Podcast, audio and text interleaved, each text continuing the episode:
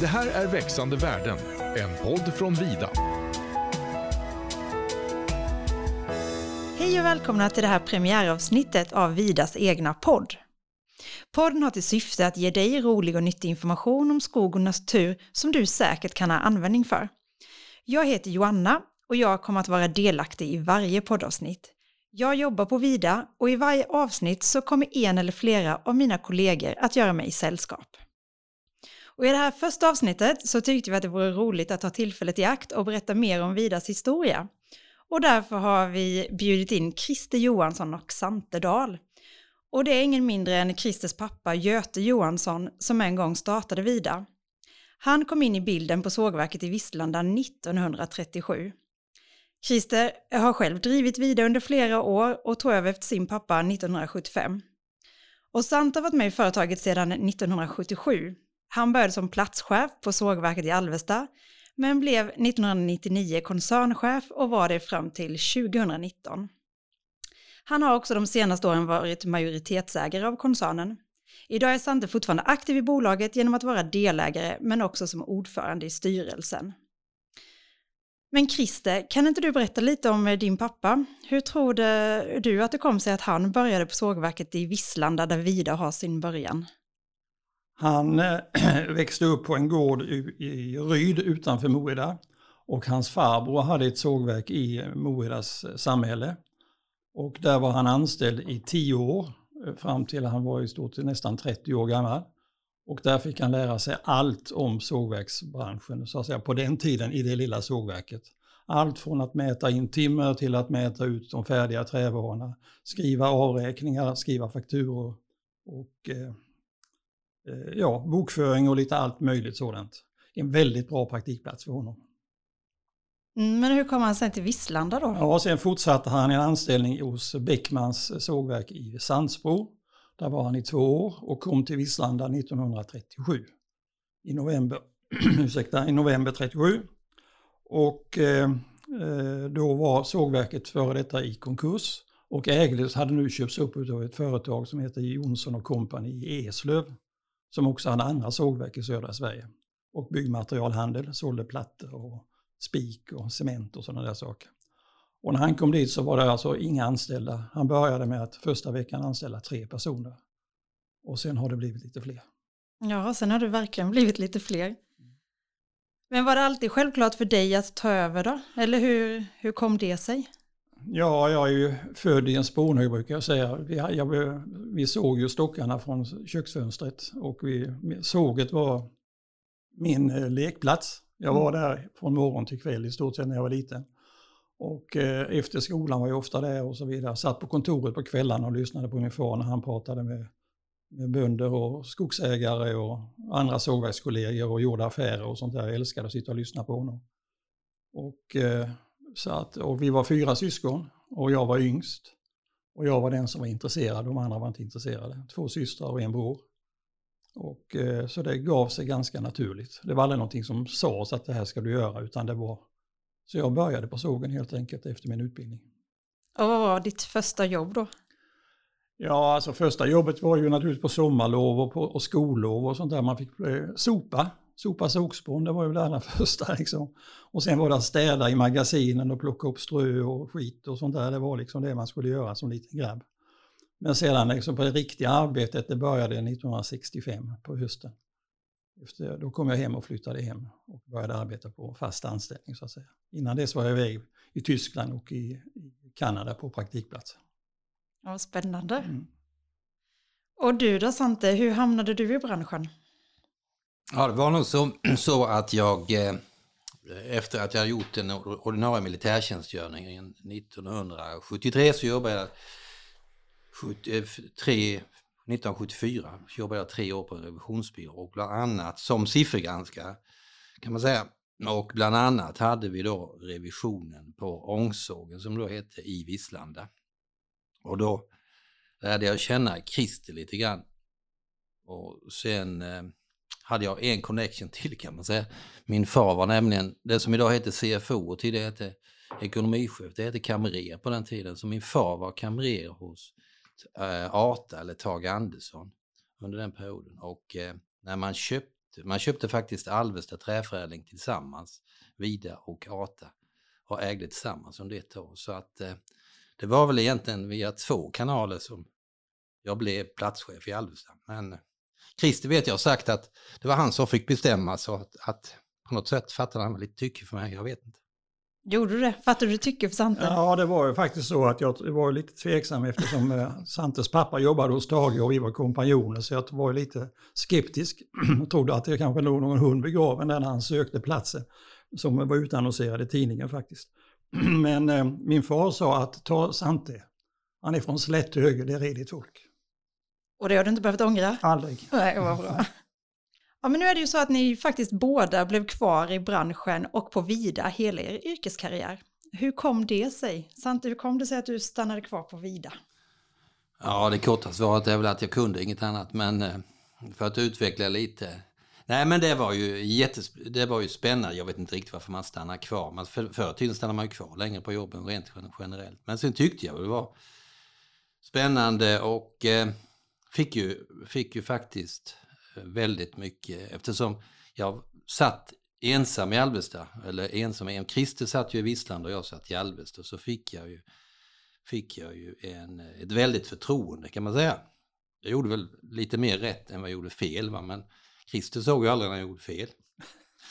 så att, eh, nej men det var väldigt inspirerande och spännande material. Jag har aldrig varit någon direkt tekniker, men kanske logistiker lite så. Såg flödena, såg, sågverk är ju rätt mycket flöden och lite så.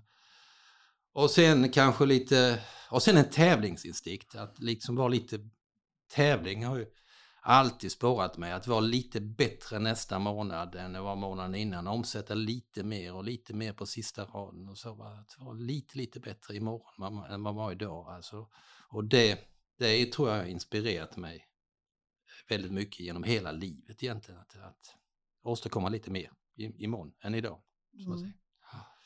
Och, det, och då passade det nog denna bransch för mig ganska bra så att säga. För det, det gick att göra någonting åt det. Mm.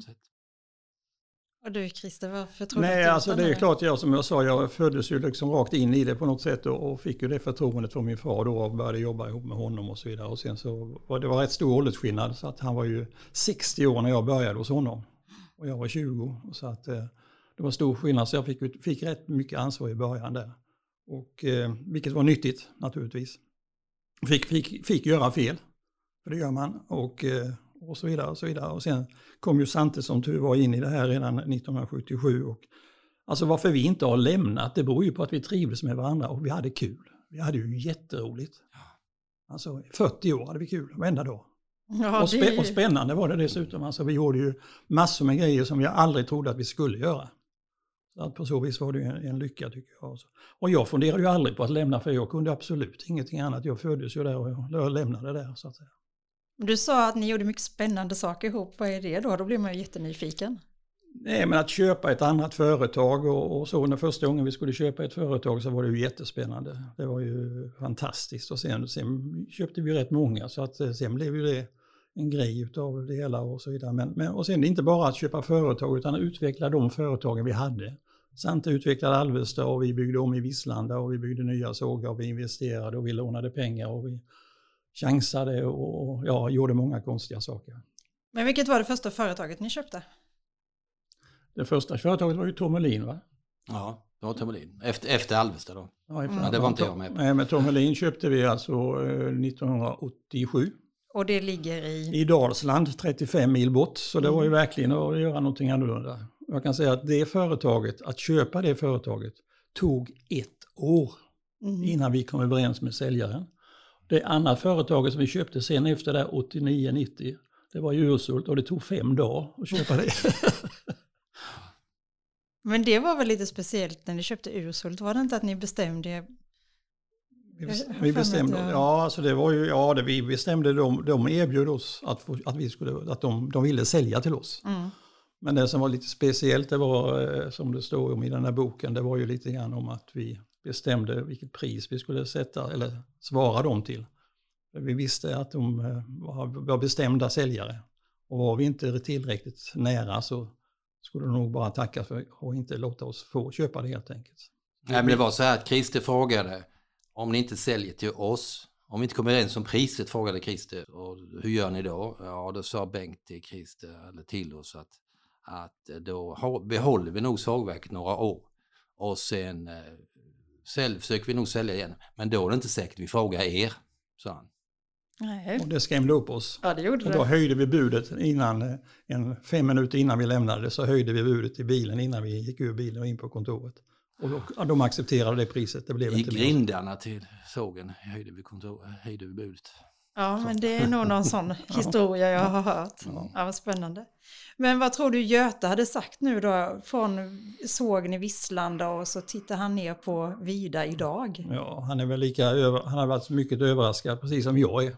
Mm. Jag är faktiskt överraskad och det är tio år sedan jag lämnade gott och väl kan man säga, eh, som ordförande då. Jag lämnade Sante blivit koncernchef redan 99 så att det är ju 22 år sedan eller vad det är. Så att, och sen dess har det varit en fantastisk utveckling som bara fortsatt och fortsätter som vi vet. Mm. Och jag tror inte det är färdigt, jag tror inte de är i mål ännu. Jag tror de har andra planer. Så att, eh, eller det, det kommer Det är inte alltid planer man har utan det är tillfälligheter som gör att det kanske dyker upp någonting som gör att man expanderar. Men jag är lika förvånad och lika imponerad som han hade varit. Mm, vad spännande. Mm. Men Vida är ju i alla fall i mina ögon en framgångssaga. Och ni har ju båda varit med och bygga upp Vida från två sågverk, ett i Alvesta och ett i Visslanda som ni berättade. Till idag så har vi ju tolv sågverk men även bolag som gör emballage, hus och biobränsle. Vad är det som har drivit er? Du pratade lite om den här tävlingsinstinkten. Ja, men sen eh, Nej, men så tror jag att eh, jag tänker väldigt mycket på min far som gick bort nu för fyra år sedan. Alltså fortfarande kan jag tänka, när jag köper eller gör någonting eller investerar någonting kan jag tänka, undrar vad han skulle tänka. Så. Eh, och jag tror att jag tänkte mycket på honom och eh, under den här perioden. Och framförallt eh, ville, jag hade ett behov av att visa att jag kunde. Så faktiskt, ett rätt stort behov av det tror jag. Och det är lite grann det här med tävlingen och så. Och sen var vi ju rätt eh, jag brukar säga att man ska inte vara för smart för att driva företag, för då funderar man för mycket. Eh, så alltså man tänkte ju, aldrig, tänkte ju aldrig på hur mycket jobb det var med efter vi hade gjort ett förvärv, utan vi tänkte liksom nu är det kul att göra förvärvet och sen, sen eh, fick det bli som det ville på något sätt efteråt.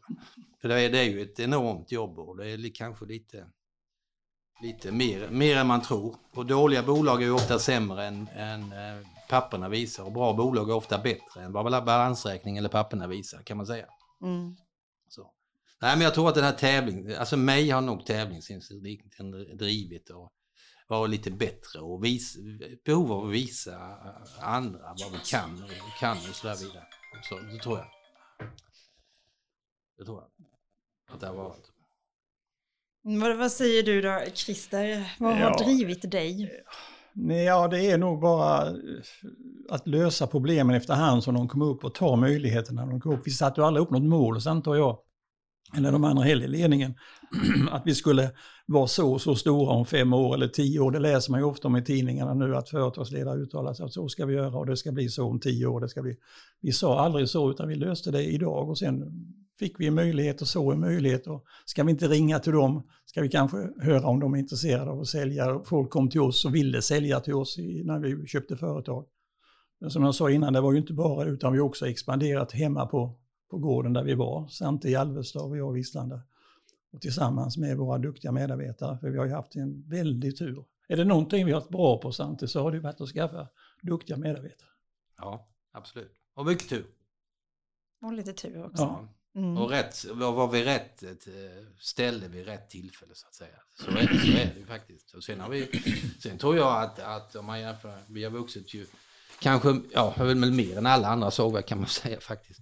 Och jag tror att mycket, mycket är det här att eh, Göte var väldigt, till skillnad från många, många andra sågverks, eh, företagsledare inom sågverksbranschen, så var Göte väldigt marknadsinriktad. Christer väldigt marknadsinriktad. Och jag har varit hyfsat marknadsinriktad. Månsen nu som är koncernchef nu, han är marknadsinriktad. Och jag tror att vi har varit, haft en fördel att, vara, att jobba mycket med marknader och varit på nya marknader. Vi har ju inte varit rädda för att öppna ett försäljningsbolag i, England först och sen i USA och nu senast i Australien. Det har vi liksom inte varit främmande. Vi har bara hoppat på och flög till Australien och sa att nu startar vi upp här. Så trodde vi på människorna där borta. Lite, lite så. Det tror jag har eh, varit en av framgångarna faktiskt. Att vi varit så marknadsinriktade. Mm. mm. Det håller jag med om. Absolut. Det, det har varit A och O. Vi, vi, vi, vi, sålde, vi, sålde, vi sålde våra trävaror först och sen skaffade vi dem, producerade dem eller köpte in dem och levererade till kunden. Och vi sålde, vi sålde inte det vi redan hade på lager, Nej. utan vi, vi, vi, vi, var på marknaden först. Mm. Det tror jag var den stora skillnaden då. Vi talar nu 80-talet kanske. Mm. Så att säga. Men det måste ju ändå ha funnits en drivkraft. Ni har ju inte slagit det till ro, ni har ju, ändå, ni har ju inte varit nöjda, ni har ju ändå förvärvat, ni måste ju ändå ha tyckt det varit väldigt kul också. Ja, det var kul, det var det jag sa. Vi hade mm. kul i 40 år. Mm. Jag hoppas de har kul fortfarande på vidare. Det är, liksom, det är faktiskt väldigt viktigt att ha, ha kul och ha högt i tak. Och förtroende. Jag tror att, jag tror att eh, Santos sa att han fick förtroende av mig, men jag menar, vi var ju på samma plan i, i 35-40 år tillsammans och vi hade förtroende för varandra. Alltså jag hade ju sånt väldigt förtroende för Sante och han hade för mig. Och det hjälpte ju hela vägen. Och även de andra medarbetarna. Och de har ju för, för, bevisligen, eftersom många har stannat kvar, så har de också haft förtroende och tyckt att det var kul. Så det är inte bara vi, utan det är många andra. Mm. Ja, det är ju viktigt att poängtera det. Men ni kommer ju från ganska olika bakgrunder. Christer, du är disponentson och Sante, du är ju en bonnapojk. Mm. Men hur tror ni att det har påverkat er resa tillsammans genom åren? Så får... Min fru brukar säga att Christer uppfostrade mig så jag uppförde, uppförde mig när jag åt middag så att säga. Så du, du, du, det är hon säkert tacksam för. Träffade Christer. Ja. Så va, det brukar hon säga i alla fall. Eller har sagt några gånger. Mm. Så, nej, jag vet inte om det påverkar så, så mycket egentligen. Va? Jag såg ju upp väldigt mycket till Christer. Han hade ju fin bil och så när jag började i Alvesta. Så, så att jag såg upp väldigt mycket till honom och så och tyckte det var ju en en ouppnåelig nivå som han var på. Och så, sen vet jag inte hur det har påverkat. Jag tror, tror att du är, går du tillbaka två generationer så är du också bond, ja, bondpojk kan man säga. Så att, säga det. Mm. Nej, mina föräldrar var ju födda, som sagt, båda två bondabarn så att säga, i Moeda. Och deras värden, alltså det de stod för och den uppfostran som de gav och så, det här sparsamhet, flitighet, visa hänsyn, så att säga, den, den har jag med mig och det har Sante med sig på sina, sin. Och som min far sa, dal i slätthög, det är redigt folk. Va? Så det var, det var så. Och därför har vi då, eh, därför tror jag Sante, vi har haft i grunden samma värderingar. Mm. Så att vi har inte behövt diskutera liksom, aldrig varit någon gräns där sagt att det kan vi inte göra, utan det visste vi redan var gränserna gick. Så värderingarna är nog gemensamma. Mm. Och det kommer nog därifrån tror jag. Nej, men sen är man ju så, jag tycker det var jättetråkigt med, med lantbruk och så när jag växte upp och så. Och, och eh, så Men man har fått lära sig att göra färdigt. Vi har ju aldrig varit några åtta till halv fem människor så att säga. Utan ska det bli regn imorgon så fick, måste man fixa höskörden ikväll eh, eller så. Så då får man jobba till man blir färdig och inte, inte sluta när, man, när klockan är halv fem eller något sånt där. Så det tror jag vi båda har med oss. Vi har ju aldrig tittat på klockan tyckte att det var tråkigt eller något sånt där. Utan, så, så förr till satt vi mycket med, vi gjorde sågverkskalkyler och kalkyler på olika sätt. Och, att du var ju expert på det Christer, att göra, göra sågverkskalkyler. Och, vilket du gör, jag brukar säga du gör det fortfarande i sågverkskalkyler men nu är det inte sågverk, nu är det någonting annat. Du ja. så är det. Så är det. Men du ställer upp dem lite grann på samma sätt. Ja, precis, exakt. Mm. Men um ni har ju jobbat väldigt många år tillsammans. Har ni alltid kommit överens? För det låter ju som att det råder ganska stor, eller ganska stor, men det låter som det råder väldigt stor respekt mellan er och att ni eh, uppskattar varandra.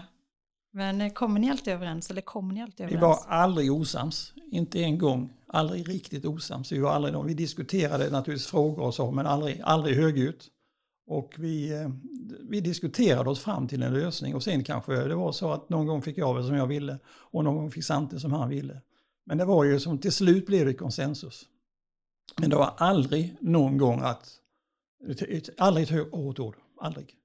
Nej, Håller du med? Det, nej, men vi har aldrig sagt högt ord. Jag brukar säga det, vi har aldrig mm. sagt högt ord till varandra. Mm. Kanske vi är hyfsat väluppfostrade, men, Men det har vi inte. Va? Sen kanske vi har knutit näven i fickan båda två nu ibland och tyckt att nu var han lite... Nu var han lite, lite, hade han väl lite fel i alla fall, men, men aldrig, aldrig så att, eh, nej, så att det har påverkat oss negativt på något sätt. Nej. Men vem är den mest envisa av er då? Eller är ni lika envisa båda två? Inte vi är så jävla envisa. Nej, precis, jag skulle just säga det att jag har inte heller uppfattningen att vi är envisa. Det var ju just det här att vi kommer överens. Då kan man inte vara envis för då måste man ju liksom jämka ihop sig på något sätt. Jag upplever inte Sante som envis. Alltså hade han en synpunkt så kunde han ju driva den naturligtvis och, sen, och jag kunde driva min. Men vi, som sagt, vi, vi, vi, vi blev ju inte låsta och då är man inte envis. Så jag tycker inte det. Nej, jag tror inte det. Nej. Sen är det alltid så, man upplever ju alltid sig själv som envis, naturligtvis, det är ju så. Mm. Nej, men, nej, men vi var inte vi, det. Nej, nej. Sen hade vi väl starka viljor ja, ja. när vi trodde och ville någonting. Ja. Då drev vi nog dem och, på, på varsitt håll eller så att säga, till vi, till vi fick, fick som vi ville. Va? Det gjorde vi nog, men inte envis kan man nog inte säga. Men trodde vi på någonting så drev vi det. Mm. Kollar man på gamla bilder från sågverk eh, så är det ganska stor skillnad mot hur ett sågverk ser ut idag. Vad skulle ni säga är de största skillnaderna på sågverken när ni startade och hur det fungerar idag? Ja, eftersom jag började före Sante så kan jag ju säga att då var det ju väldigt mycket handarbete. Det var ju hårt arbete. Man staplade för hand, man lyfte plankorna och man liksom, det var väldigt Eh, det gjorde man ju också samtidigt när vi, du började i Alvesta så var det också handstapling mm, bakom på råsorteringar och så vidare. Idag är det ju, sitter man ju som du vet i, i stolar och tittar på skärmar om man ska raljera lite så att säga. Så det, det är den stora skillnaden. Ja, digitaliseringen har väl medfört ja. den. Och, och, och sen är det ju naturligtvis en väldigt stor skillnad på hastigheterna igenom processen, så hela processen så är det ju enorm skillnad. Faktiskt när vi i Nössemark såga momentant en stock i sekunden. Jag vet inte vad det var på 70-talet. Men, men, eh, som ett exempel kan jag säga att de första åren i Alvesta sågade vi 5000 kubikmeter om året. Och nu sågar vi gott och väl 10 000 om dagen i hela koncernen. Mm. Så det har ju hänt en del faktiskt. Det har hänt en del. Och vad tror ni om man kollar vilka utvecklingsmöjligheter finns det om vi kollar framåt 10-15 år i sågbranschen? Tar det, slut fan, här det, eller vad händer nu? Det är klart nu? det inte tar slut. Det är bara fantasin som begränsar det. Och möjligheterna. Det är klart det inte tar slut. Det är ett fantastiskt material vi håller på med. Förnyelsebart och så vidare. Och, och, så att, eh, nej, det är klart det inte tar slut. Det är klart det utvecklas hela tiden. Jag var med och köpte en hyvelmaskin i Halmstad 1973 eh, eller någonting sånt där. Och den gick i 75 meter i minuten. Och den vi har i Visslanda den går 1100 meter i minuten. Men, men eh, vi kanske kör i alla fall i värsta fall 700-800 meter i minuten och då körde vi 75. Men vi körde inte 75, men det gick i 75, mm. men vi kanske körde 50 med den maskinen så att säga. Och då tyckte det, ni det var snabbt? Ja, det var ju snabbt, ja. för den, den gamla gick ju bara i 30, ja. så det var ju liksom en bra ökning. Mm. Men det, alltså, det är ju en otrolig, men alltså, vad, vad, är, vad är stoppen? Ja, det är ju fysiska lagar att hantera. Vi skojade om när vi byggde hyvleriet att problemet var inte det nya hyvleriet i Visslanda som är väl Europas snabbaste. Det, det går inte, alltså problemet var ju inte hyvleriet utan problemet var truckarna. Hur ska de bara hinna sätta på virkespaketen? Och vi skojade och sa att vi måste köpa Pirelli-däck till truckarna för att de ska hinna med att köra så fort.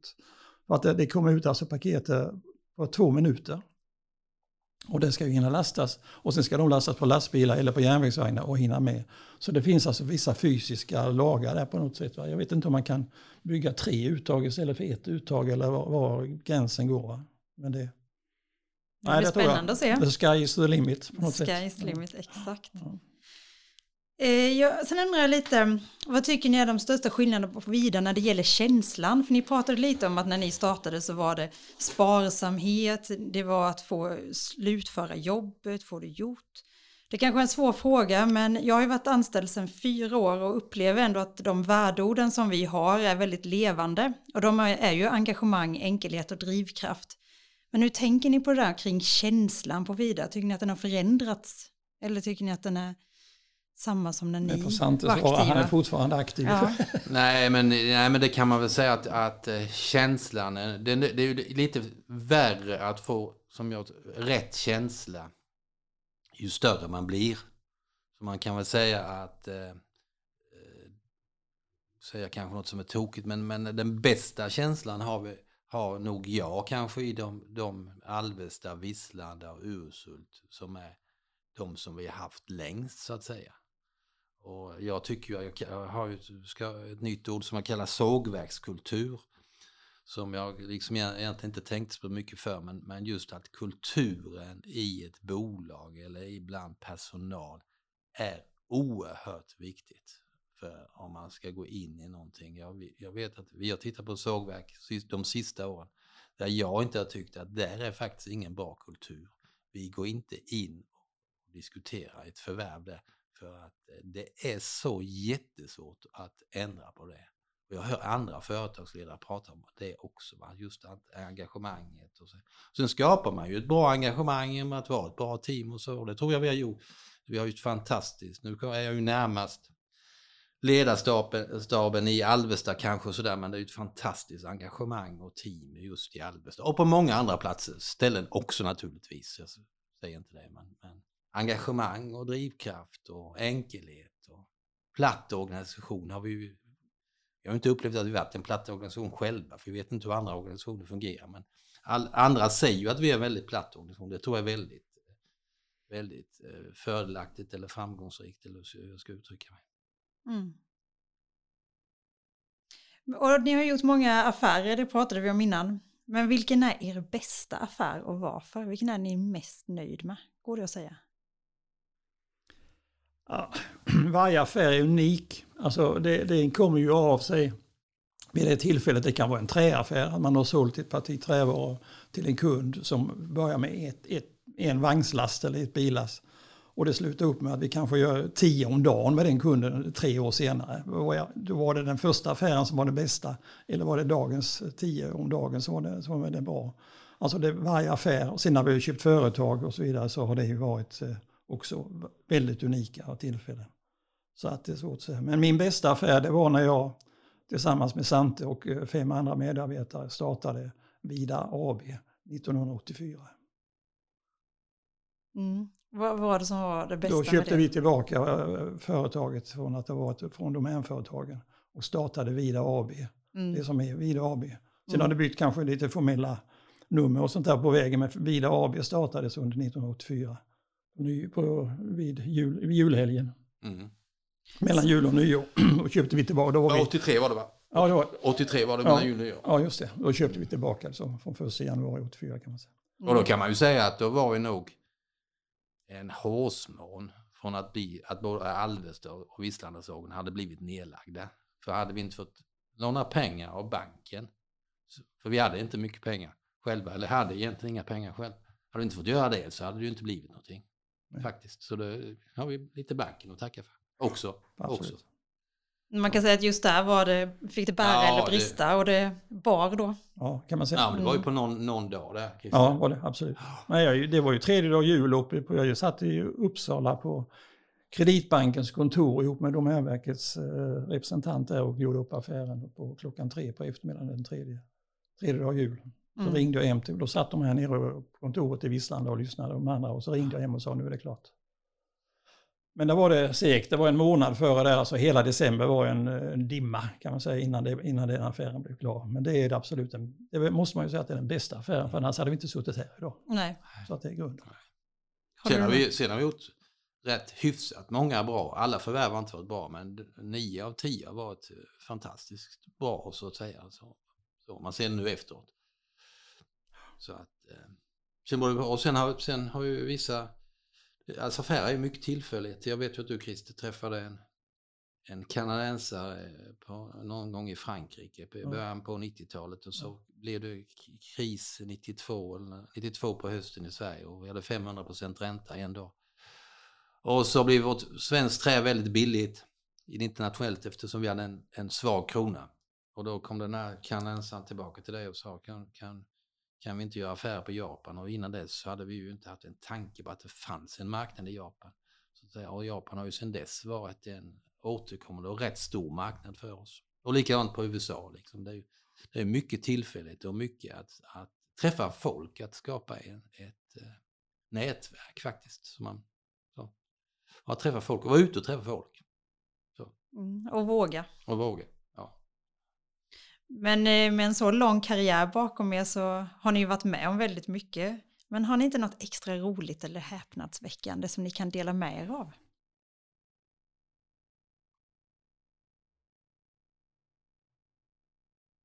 Nu får ni inte censurera det här för mycket. Svante, vad har du gjort för något häpnadsväckande? Nej, jag vet inte. Nej, men du nämnde ju här exempel bara det att, att eh, börja sälja trä på Australien exempelvis. Och att vi började på Japan, att åkte dit.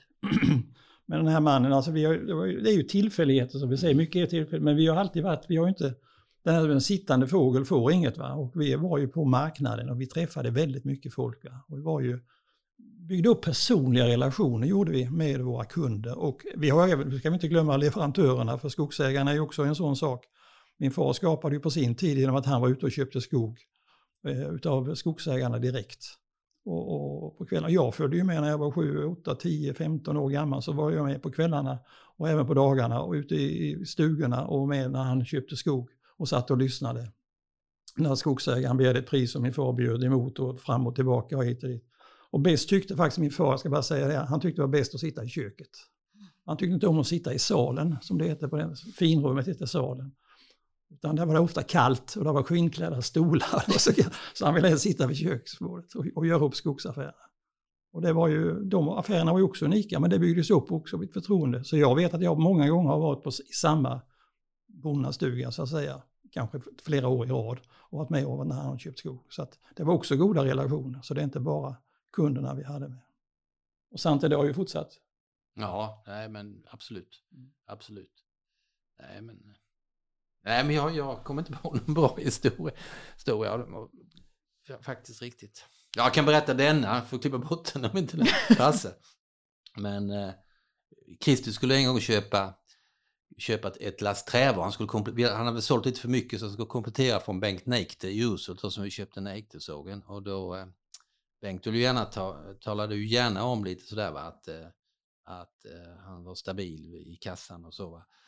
Och så um, skulle ju Christer pruta med honom då och då sa Bengt att du ska, du ska veta att uh, jag skulle kunna sälja så billigt till dig. Jag menar på att jag har råd med det, men, men uh, det vill jag inte för då tjänar du så mycket pengar och då blir du lat och det vill jag inte att du ska bli. Mm. Precis så. Och Bengt Näck, i ett nötskal. Han hade ett annat uttryck när vi sa att vi tyckte att han arbetade väldigt mycket, för det gjorde han. Han arbetade från, jul, från annandag jul, jobbade han till julaftons morgon nästa år, nonstop i princip alla dagar. Så sa jag det till honom, det är hemskt att du arbetar mycket Bengt. Och så, där, så sa han, ja, sa han, det finns folk som arbetar heltid och det finns de som jobbar, nej det finns de som jobbar deltid och det finns de som jobbar halvtid och det finns de som jobbar heltid. Men jag jobbar alltid. Ja. det var ett annat uttryck som han hade. Någon affär, ja alltså jag vet ju inte heller men, men jag vet ju en gång att eh, vi hade problem i USA i början, 94 då, 95 det var, i hamnen. Vi skickade container på den tiden och det fungerade inte. Jag flög från Sverige och landade i New York en eftermiddag eller lunchtid. Och sedan flög jag ner till Norfolk, övernattade, var i hamnen klockan sju på morgonen och bråkade med de här som inte gjorde som vi tyckte. Och jag blev inte sams med dem och tog planet tillbaka till New York och, flög och lämnade New York igen efter 23 timmar. Så att det var snabbaste USA-resan någonsin. Det var verkligen en snabb resa. Men det var ingen affär, men det var ett, ett, sätt att, det var så vi agerade. Och jag hade bråttom hem naturligtvis, för vi skulle, det fanns ju annat att göra. Mm. Men eh, jag vet att jag var under 24 timmar, under ett dygn var jag i USA. Det kan ju kännas lite vansinnigt idag när man tänker efter, men så gjorde vi. Men det låter som ni också har jobbat ganska mycket alltid då? Ja, inte riktigt långa, lite, inte lika många timmar som Bengt Nekte. För Nej, han. det gjorde vi ju kanske inte. Men, men vi, jobbade, vi jobbade ju enormt mycket. Ja. ja, visst. Men det var inget jobb riktigt. Nej, alltså, det, var, det, det, det var ju, när klockan blev halv fem blev det hobby liksom. Vi gjorde samma sak. Mm. Sysselsättning brukar jag kalla det. Ja, ja. ja men ni, ni gjorde det ni tyckte om i alla fall. Absolut. Ja, jag måste också passa på att fråga, det såldes ju 70 procent av eh, Vida till Canfor för två år sedan. Var, varför sålde vi? Eller varför sålde ni? Nej, men det är, det är, för det första en väldigt, det är en väldigt volatil bransch, kan man säga.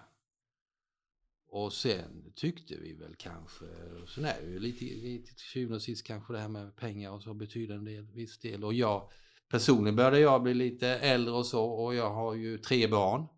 Och eh, om jag ska vara riktigt ärlig så löste jag också mitt generationsskifte med detta, med detta så att säga istället för, istället för att eh, fördela mina de, de pengar, pengar jag har fördelat dem lite grann på flera ben och istället för att ha mer eller mindre bara ett ben.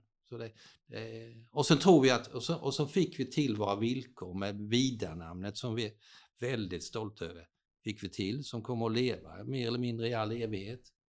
Och vi får, får arbeta väldigt självständigt. Så att säga, de lägger ju sig, det vet ju du Johanna, de lägger ju sig egentligen inte i någonting mer än ekonomiska rapporteringen som är, som är lite mer krävande numera. Men annars sköter vi ju det som vanligt kan man säga. Vilket jag tycker var en, en jättefördel. Och, sen, och inte minst namnet, att vi fick behålla det och vi, att de ville behålla det. För det är ett starkt varumärke över hela, över hela världen faktiskt. Är du nöjd hur det blev nu då i efterhand? Ja, det kan, det kan jag inte säga något annat. Sen kan man i sina, visst kan man tänka att ja, skulle kanske inte gjort så, men sen nästa sekund tänker man att man skulle göra så. En sån här chans kanske inte kommer mer än var tionde år. Så. Nej, då gäller det att ta den. Det var någonting med att fåglar inte skulle sitta still, eller vad var det du sa Christer? Ja, sittande fågel får sittande inget. Sittande fågel får inget. Nej. Nej. Nej. Nej, men vi hade ju en relation med Canfor tidigare. Alltså, jag känner, känner, känner folket också i ledningen. Vilket gjorde att, att vi hade, det var ingenting som kom direkt utan det har talats om olika sätt och varit samarbete och så vidare tidigare. Så att, eh, det, jag, jag var ju inte med om denna affären men, men eh, jag var ju med och träffade de här människorna redan på 90-talet som är, nu sitter i ledningen för Canfor. Så att jag kunde ju verkligen, när jag hörde talas om det här så var jag bara... Jag stöttade det fullt ut när jag hörde det första dagen för jag tyckte det var en briljant idé för både Canfor och för Vida. Ihop det blir det tror jag. Jag tror att då ett plus ett blir tre där sant. Och Don Kane som numera är koncernchef har ju ett pass där det står Växjö 1993. Mm. Så det var första gången han, ja, han var precis. här. Absolut. Faktiskt. Mm. Så att vi har ju känt dem länge, till och från kan man säga, och, mm. så, genom åren. Men, men, ja. Nej, men det känns, och det, det har ju gått två år, så det känns ju fortfarande jättebra. Ja, men nu har ni ju trappat ner en del i alla fall. Men vad njuter ni av idag? Jag vet att ni båda gör affärer fortfarande, men eh, lite, ja, nju, lite mer fritid. Njuter vet jag, alltså det är ju svårt att säga. Det, det njuter, ja, ja, det är ju en viss frihet naturligtvis att inte, ha, man, att inte ha det där absoluta hänget på sig. Kanske den där oron, men sen oroar man sig ju för andra saker ändå. Alltså, det ligger ju i människans natur, man kan ju ligga vaken för en struntsak, eller hur? Och det händer fortfarande att jag gör. Även om inte jag behöver oroa mig så gör man ju det ändå, därför att det kanske är i naturen. Men ja, njuter av, ja det är väl kanske lite grann friheten att, att äh, men sen, äh, jag säger att jag, alltså jag var i Visslanda nu innan jag åkte hit idag och var där nere i två timmar och gick runt och tittade lite grann och träffade flera stycken. Alltså det är ju så roligt att vara på sågen. Mm. Där allt började. Jag kan njuta av det också. Mm. Mm. Vad säger du Sante, vad njuter du av? Nej, men jag njuter, det är det, det, är det enda positiva med att bli äldre, det är faktiskt att, att just som Chris säger, att det här ständiga eh, på axlarna liksom, att, att, och jagandet kan man ju säga, för det är lite grann ett jagande att kanske vara företagsledare och så. Så att, att, att slippa det, det är väl kanske, det är rätt skönt. Sen jobbar jag kanske halv, brukar säga när folk frågar mig, jag jobbar halvtimme vidare och så jobbar jag halvtimme annat och min fru ser inte mig mer hemma än vad jag gjorde innan. Så att säga. Så, eh, men jag, ty jag tycker, och det vet jag att du också tycker, vi tycker det är kul med affärer. Ju. Tycker mm. det spännande med affärer rent generellt. Och spännande med, fortsatt spännande med vidare och sådär. Så, kan man säga.